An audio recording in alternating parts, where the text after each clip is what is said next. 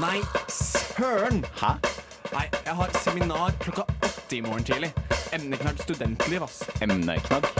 Ja, du vet den tingen du putter bakerst i posta dine på sosiale medier, så folk veit hva du prater om? En hashtag? Nei, nei, en emneknagg. En hashtag. En emneknagg, det er det det heter på norsk, skjønner du. Emneknaggen. Emneknaggen. Studentenes diskusjonsforum.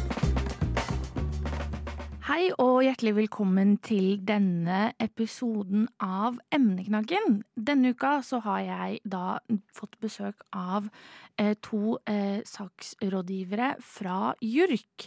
Og du tenker sånn, mm, hva er JURK? JURK det står for Juridisk rådgivning for eh, kvinner. Eh, dette er da en eh, gruppe som tilbyr da juridisk rådgivning eh, for kvinner, og da definerer det som alle som definerer seg som kvinner. De tilbyr rettshjelp i hele Norge. Dette er en organisasjon som ble startet i 1974. Og har gjennom eh, den tiden hjulpet over eh, 50 000 eh, kvinner. Eh, jeg fikk eh, høre om at eh, de blant annet har ca. halvparten av sakene de hjelper til i, er Oslo-området og er studenter. Så jeg anbefaler deg bare å lytte videre til emneknaggen og kanskje bli litt, bli litt klokere og vite hvor du eventuelt skal henvende deg. Emneknaggen hver onsdag på Radio Nova. Hjertelig velkommen til Emneknaggen. Jeg er så heldig at jeg har fått uh, besøk av uh, tre stykker. Uh, to ansatte i JURK og en, liten baby i studio. Det syns jeg er veldig, veldig koselig. Kan ikke dere introdusere dere selv? Hvem dere er, hva dere heter og hva dere jobber med? Ja, jeg heter Agathe Brautaseth Våge, og jeg er saksbehandler i JURK. Og jeg startet nå denne høsten. Jeg heter Maria Elena Sekara. Eh, og jeg jobber som saksbehandler i JURK, og jeg startet i januar. Ja, fordi at eh, JURK er jo sammensatt på en eh, måte hvor det er studenter som jobber som saksbehandlere. Kan dere fortelle litt mer rundt hvordan JURK fungerer på den måten? Ja, så eh, som sagt er vi et studentdrevet rettshjelpstiltak. Så eh, midt i studiet så kan studenter da søke om å jobbe hos oss, og da jobber man to semestre. Og um, da får man ansvar for uh, både egne klienter og egne saker. Så vi er da ca. 24 saksbehandlere som jobber der. Og så har man en daglig leder som er jurist, og man har en fagrådgiver som også er ferdig utdannet jurist. Og så har man en ansatt som jobber med administrasjon og den type ting. Ja, for man får studiepoeng Altså, det går en del av studiepoengene i å ha, jobbe som saksbehandler hos JURK. Er det riktig? Ja, man får 30 eh, studiepoeng for hele året. Og så man får i tillegg eh, månedslønn på 10 000 kroner. Men dere blir jo finansiert på en litt annen måte siden dere er av studenter. Kan dere si noe rundt eh, hvordan dere blir finansiert? Ja, vi får eh, statsstøtte gjennom eh, statsbudsjettet. Og så får vi også støtte fra Oslo kommune. Um, og vi ser jo det at uh, i det foreslåtte statsbudsjettet for i år, så er det foreslått et kutt uh, på rundt to til tre millioner kroner i den potten som vi søker om å få. Um, så det er jo veldig alvorlig at uh, vi som prøver å gi gratis rettshjelp til folk, at uh, når det blir uh, kutt i vår post, så betyr det at vi kan hjelpe flere, færre folk, rett og slett.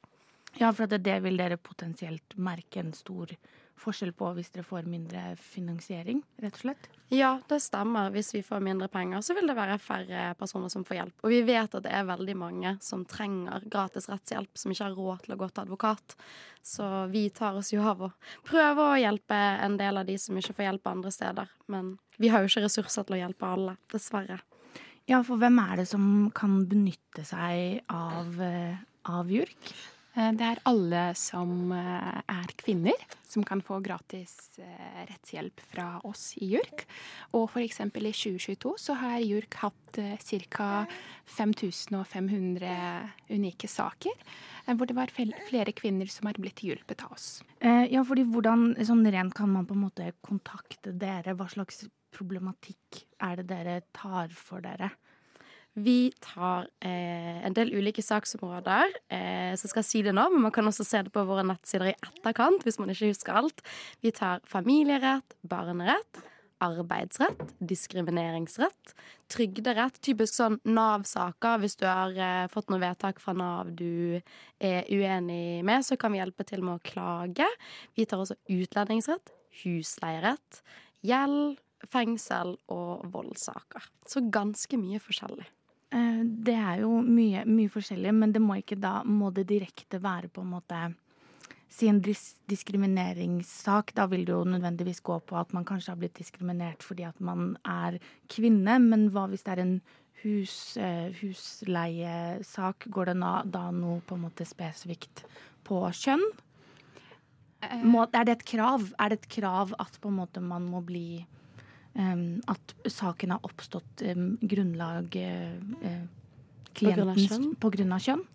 Eh, nei, det er ikke det. Men det, det viktigste er for oss at klienten er en kvinne. For at hvis klienten er en kvinne, så har vi mulighet til å hjelpe til. Og vi hjelper gjerne til hvis det er noe som vi jobber med. Eh, For eksempel, vi har veldig mange klienter i husleierett, og det er veldig mange forskjellige spørsmål innen husleierett.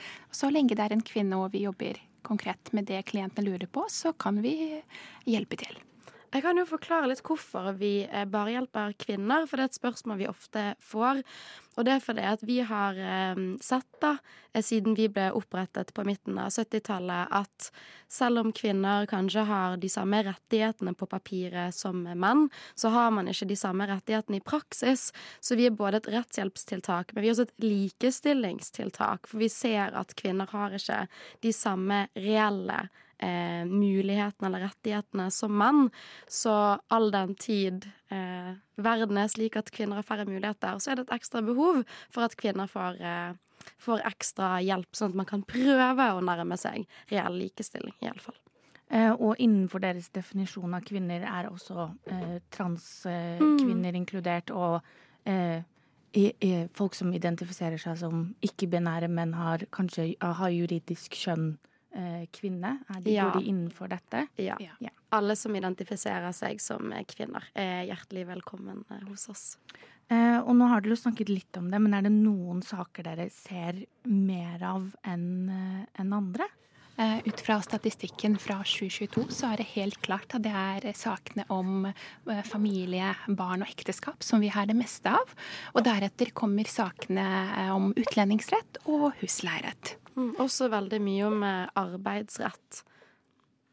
Eh, Kan dere på en måte utdype noe mer rundt Er det noen spes... Altså, familierett er jo stort, men er det noe mer sånn Mer dere f.eks. kan utdype rundt det? Mm. Mye økonomisk oppgjør eh, i forbindelse med skilsmisse, eller at man flytter fra hverandre. Det ser vi jo at eh, også nå så er det jo mange som eh, tar kontakt og lurer på om de har råd til å skille seg. Og der ser man jo at dyrtiden også rammer kvinner på noen måter hardere enn menn, for det at fortsatt så er de klassiske kjønnsrollene i samboerskap og ekteskap at det er typiske mennene som kanskje eier huset eller eier bilen, mens kvinnen tar seg av de løpende forbruksutgiftene som eh, klær til barna og mat. Så når man da skal eh, skilles eller flytte fra hverandre, så står kvinnen økonomisk svakere enn mannen, og det kan gjøre at kvinnen ikke har den økonomiske friheten til å eh, ja, skille seg eller flytte fra mannen. Eh, Men når det kommer til arbeidsrett, kan dere utdype noe mer eh, rundt eh, det også? Ja, jeg jobber på den gruppen som har med arbeidsrettssaker å gjøre. Og vi får jo mange henvendelser som gjelder eh, oppsigelse. At man eh, kanskje skal i et såkalt drøftelsesmøte, som man må ha før man skal bli sagt opp. Eller at man har fått en oppsigelse, og så er man uenig i den. Så da gir vi veiledning i hva man kan gjøre, i hvordan man da kan gjøre det man kaller å bestride oppsigelsen. Altså si at man er uenig og mener at man fortsatt skal jobbe der fordi det er en ugyldig oppsigelse. Men det kan også være etter man har blitt sagt opp, så kan man ønske å få på plass eh, en sluttavtale, en sluttpakke. At man kan få noen økonomiske fordeler og den type ting. Og da kan vi også gi råd og, veiledning. Og vi ser jo det at eh, det er én ting å ha rett og liksom ha jussen på sin side, men det er en helt annen ting det å vinne fram. Så det er i alle fall en ting jeg personlig har merket eh, har vært litt utfordrende. da, At man ser at her er det en klient, og det virker som at hun er egentlig skal vinne fram, men så har man jo ikke råd til å gå til domstolene og kreve saken der, for det koster kjempemasse penger. Og i alle fall hvis man er student, så har man jo ikke sjans i havet til å ta den saken til domstolene. Så man prøver jo også å finne til en realistisk løsning, da, sånn at man ikke må være Ja, at du kan vinne fram så godt som mulig, selv om man ikke har masse penger. Eh, og eh, Maria Elena, hvilken eh, område Nå fikk vi høre at det Agatha, eh, Agathe eh, Mm. jobber innenfor arbeid. Hvilket eh, område jobber du innenfor? Jeg jobber med utlendingsrett og husleierett. Og hvis jeg skal si hvilke saker ser vi mest av, når vi snakker om bl.a. utlendingsrett og husleierett I utlendingsrett så får vi mange saker som handler om oppholdstillatelse. Eh, Familieinnvandring, bl.a. Og hvordan vi hjelper til, er at vi enten hjelper til med rettighetsinformasjon, eh, med å sende folk informasjon om rettighetene de har, når vi snakker om mulighetene til å få bli i Norge eller få familien på familieinnvandring, de vilkår de må oppfylle. Eh, og så hjelper vi av og til med klageskrivingen bl.a. til UDI. Og vi hjelper også med klageskriving når vi snakker om husleierett, eh, for at vi kan hjelpe til hvis saken er gått til HTU, eller vi kan hjelpe klienten med å få saken til, og ta saken videre til HTU, som er husleietvistutvalget. Eh, og det er det samme vi hjelper til når vi snakker om husleierett. Vi gir også masse rettighetsinformasjon, og så gir vi konkret bistand i de forskjellige sakene, fordi sakene er så annerledes, ikke sant. Så det kommer an på eh, hva saken handler om, og så tar vi en konkret vurdering av hvordan vi kan hjelpe til. Eh, Det er også typisk at vi kan sende påkrav, blant annet, men vi ser som sagt litt mer på saken. Eh, fordi at eh, eh, jeg, har, jeg har jo lest eh, meg litt opp eh, på JURK, og dere tar jo også for dere noen mer alvorlige saker eh, i den forstand at alle saker har jo en alvorlighetsgrad. Men da tenker jeg mer sånn spesifikt på f.eks. vold i nære relasjoner, den, den type ting.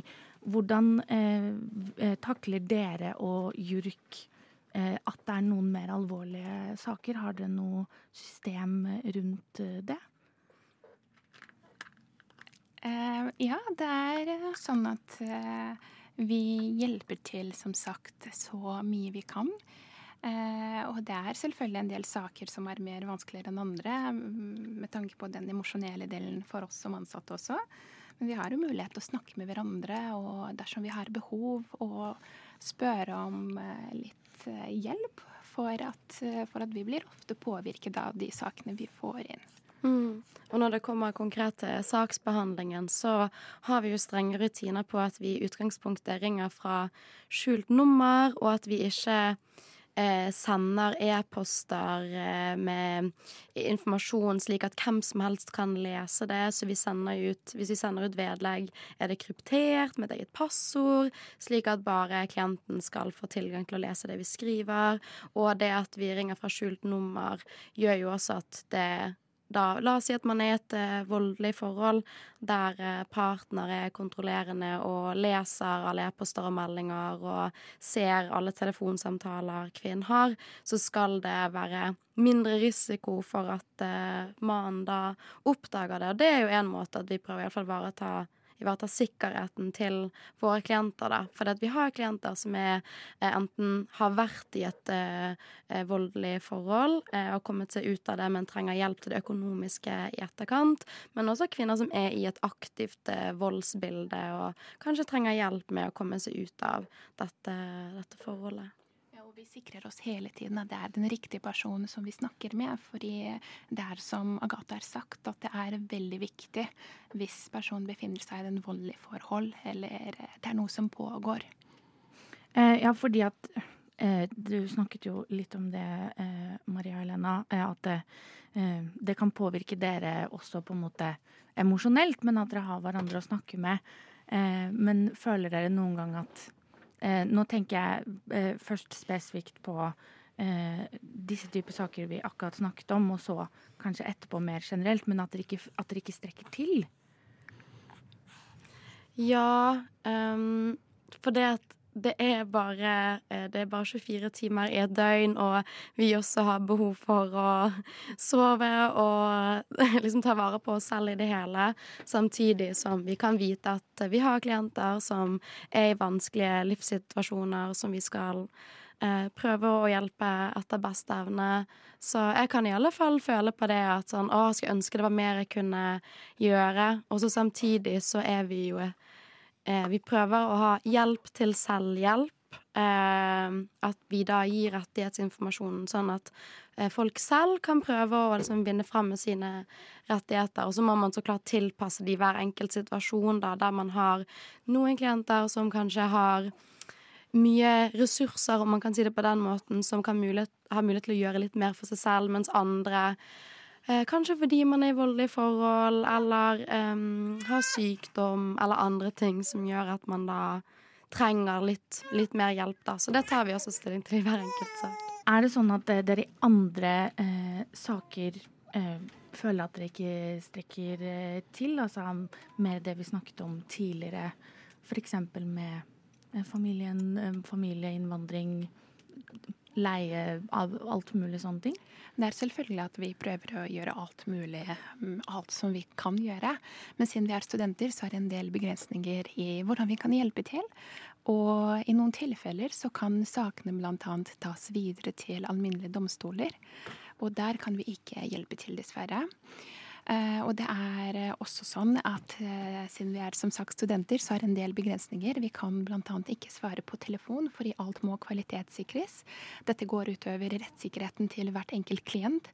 Og det kan hende at det tar jo litt mer tid å få svar.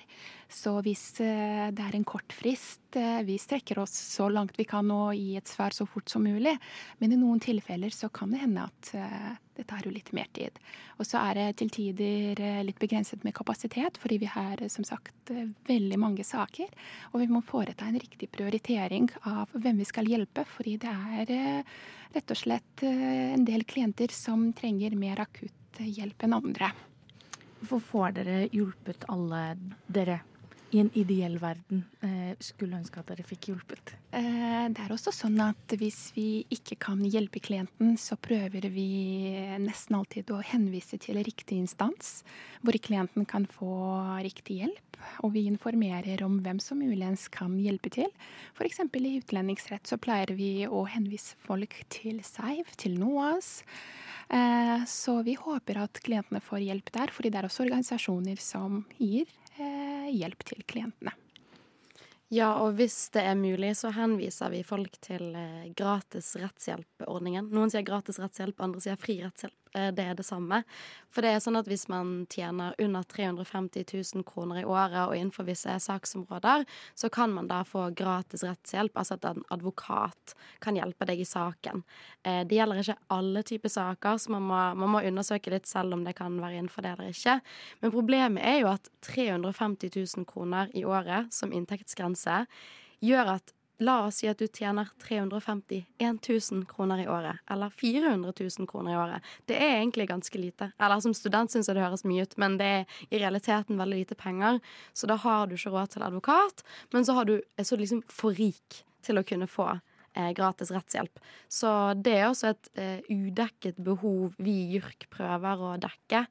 Um, av og til hvis folk har fagforening, så kan man jo få uh, advokathjelp ofte fra de, så da så kan man henvise til fagforeningen deres, eller den type ting. Så vi prøver jo alltid å tenke hvordan kan denne personen få best mulig hjelp? Og hvis de kan få gratis rettshjelp, så vil man jo da få en advokat som kan gi raskere og bedre hjelp enn det vi kan.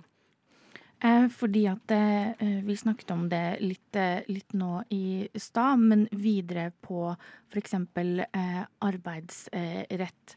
Eh, og da eh, snakket vi litt om at opplever, folk opplever en diskriminering rundt å være, være gravid. har du lyst til å utdype og fortelle litt mer rundt hva det er for noe, og hvordan det foregår?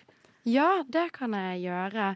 Eh, Det vi ser i vår saksbehandling, er at vi får mange henvendelser fra kvinner som enten har blitt sagt opp kort tid etter de opplyste at de var gravide, eller de har søkt på en jobb, og så eh, har det kommet fram på noe vis da i den prosessen der de søker jobb at de er gravide. Kanskje de har bedt om tilrettelegging, og så får de ikke den jobben likevel, selv om egentlig alt virket fint og flott frem til den potensielle arbeidsgiveren fikk vite om graviditeten.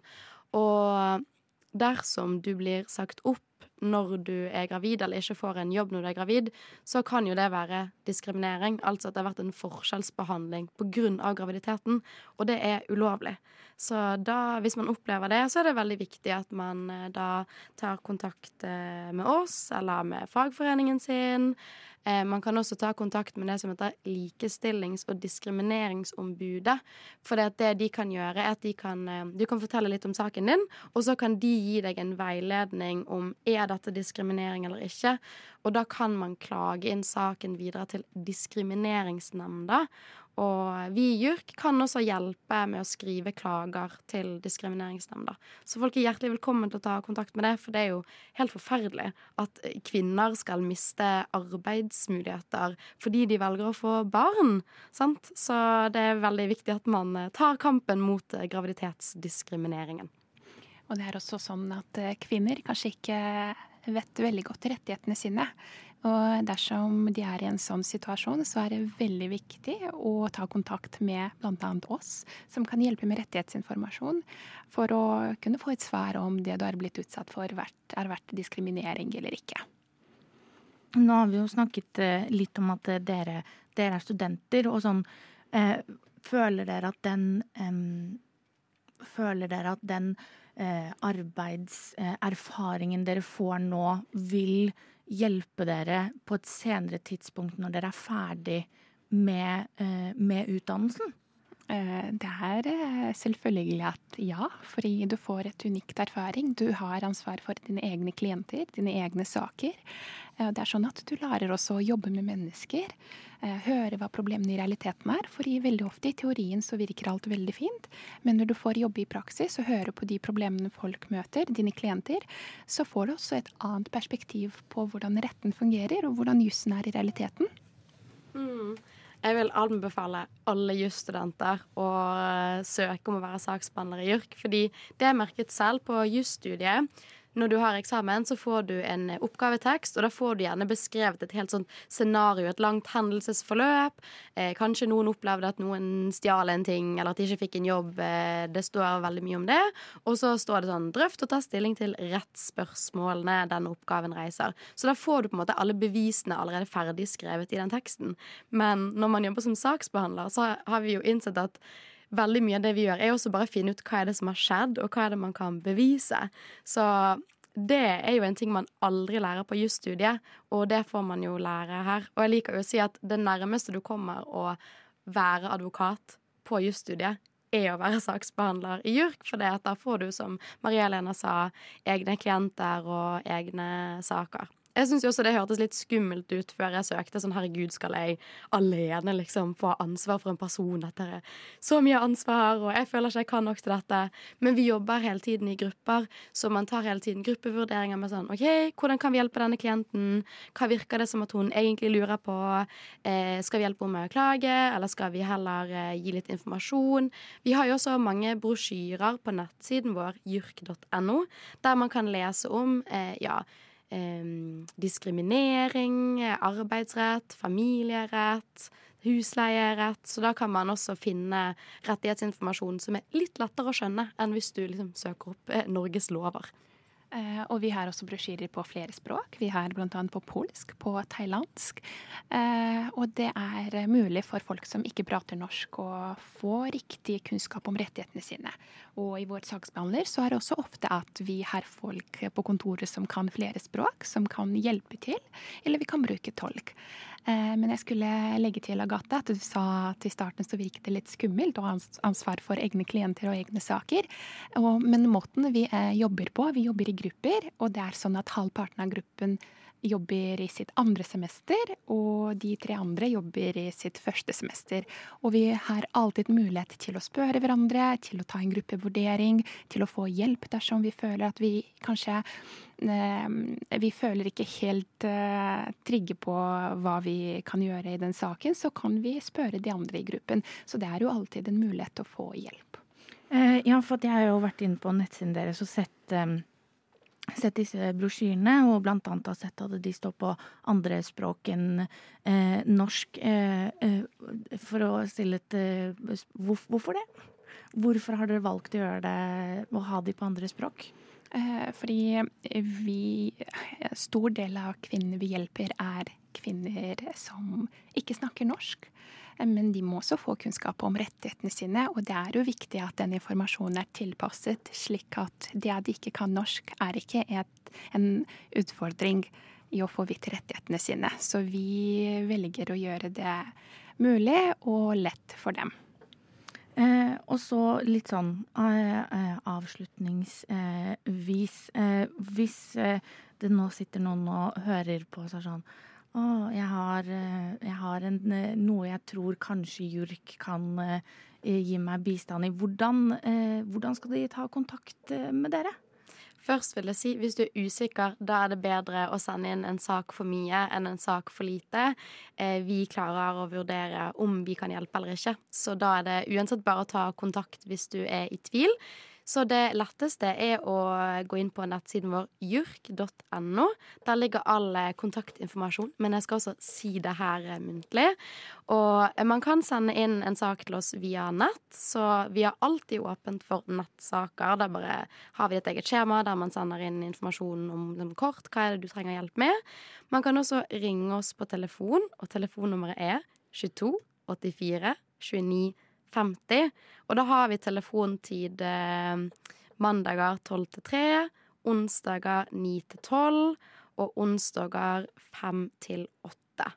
Eh, og så har vi også mulighet for å komme fysisk eh, på kontoret vårt eh, for mottak, og det er da mandager 12 til 3 og onsdager 5 til 8.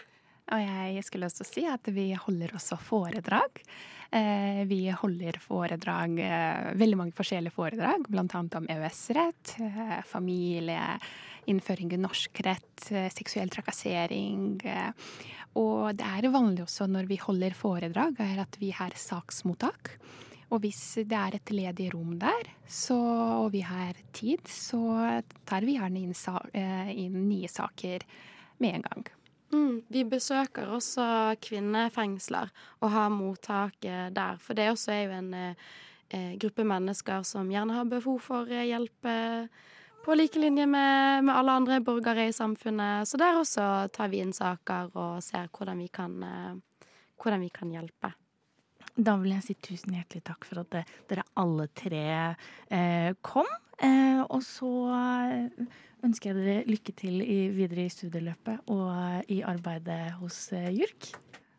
Du har nå lyttet til en episode av Emneknaggen, og jeg eh, heter eh, Sigrun Tårne. På teknikk har jeg hatt med Elisabeth Vesterheim Knutsen. Eh, tusen takk til JURK som eh, kunne stille, men jeg håper for guds skyld at du ikke skrur av radioapparatet ditt bare fordi emneknaggen er over, fordi rett etter oss så kommer lyden av Curbs.